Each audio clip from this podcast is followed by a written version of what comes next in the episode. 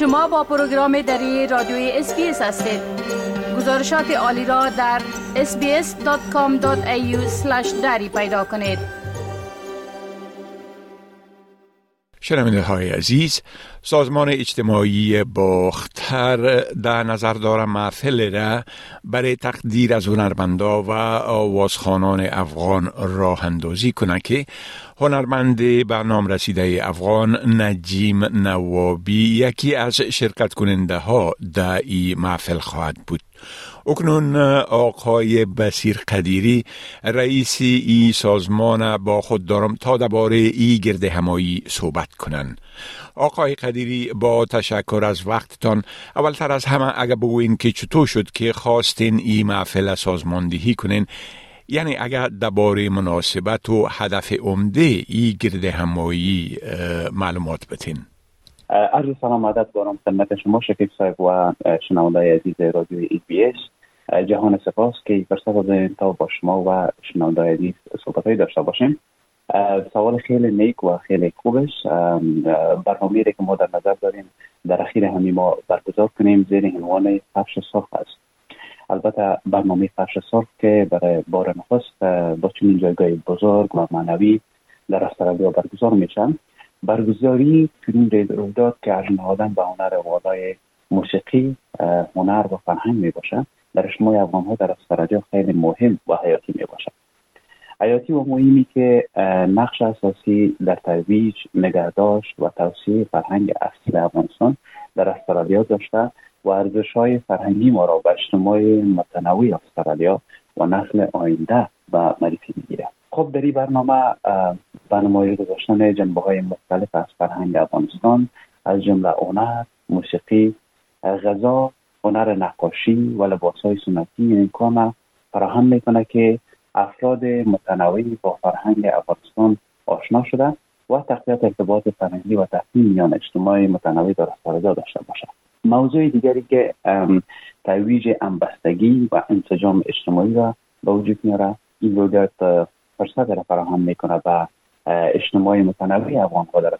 تا با دیگر با دیگر ملیت های افغان و با افراد دیگر از جوامع متنوع آشنا شود و ارتباطات اجتماعی و همبستگی را تطبیق کنند. در واقع شکل برنامه فرش معمولا به عنوان شب میمان نوازی شناخته میشه که با توجه به نحوان و شخصیت های معروف حاضر دوجه شام و مراسم تجدید را برنامه داشته باشه و امکان را به میمانا فراهم می‌کنه تا با دیگر ارتباط باشه و شب را به عنوان یک رویداد فرهنگی و هنری جشن بگیرد و ما افتخار داریم که پیش قدم شدیم و چنین رویداد را در یک شام تاریخی یعنی 29 سپتامبر سال 2023 در سالن مجلل کیتی لند برگزار کنیم.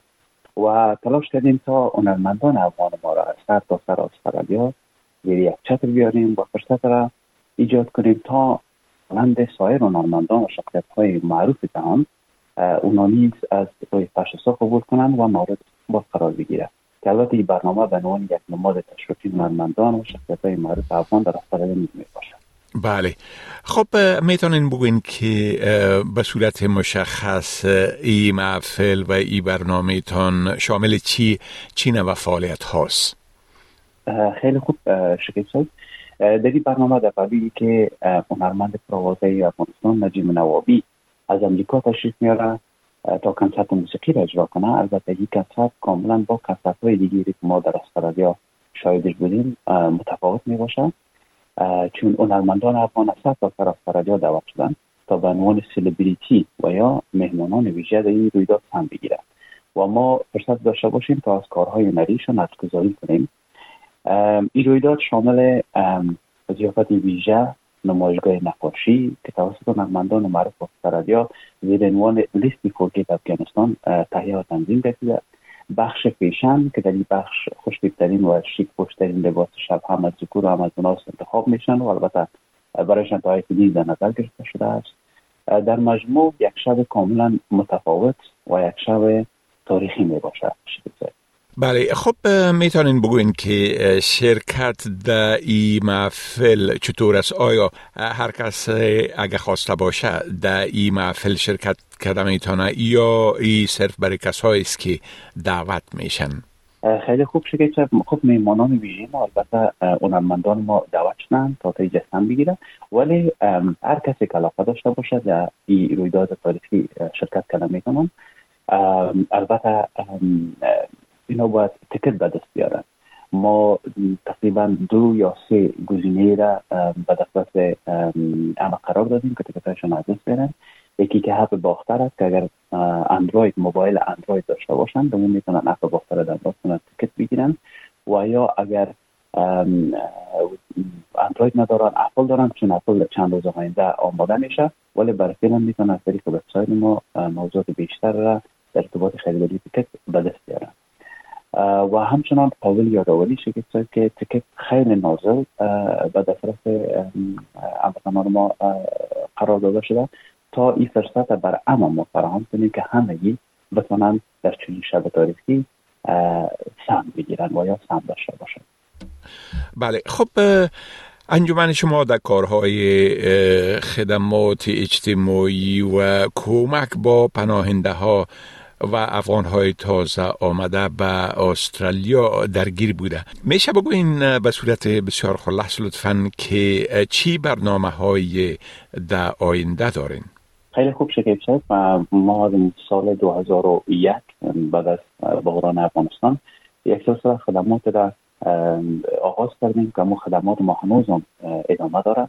کسایی که نومیان و حوض بختر در خدمتشان است که در قسمت نیازهایشان براشان همکاری می‌کنه و در پهلوی اجرو یک سلسله کورس ها و یا ورکشاپ های داریم براشان که در ارتباط اجتماعی استرالیا نوع زندگی در استرالیا فرهنگ استرالیا ورزش استرالیا برشان معلومات میده.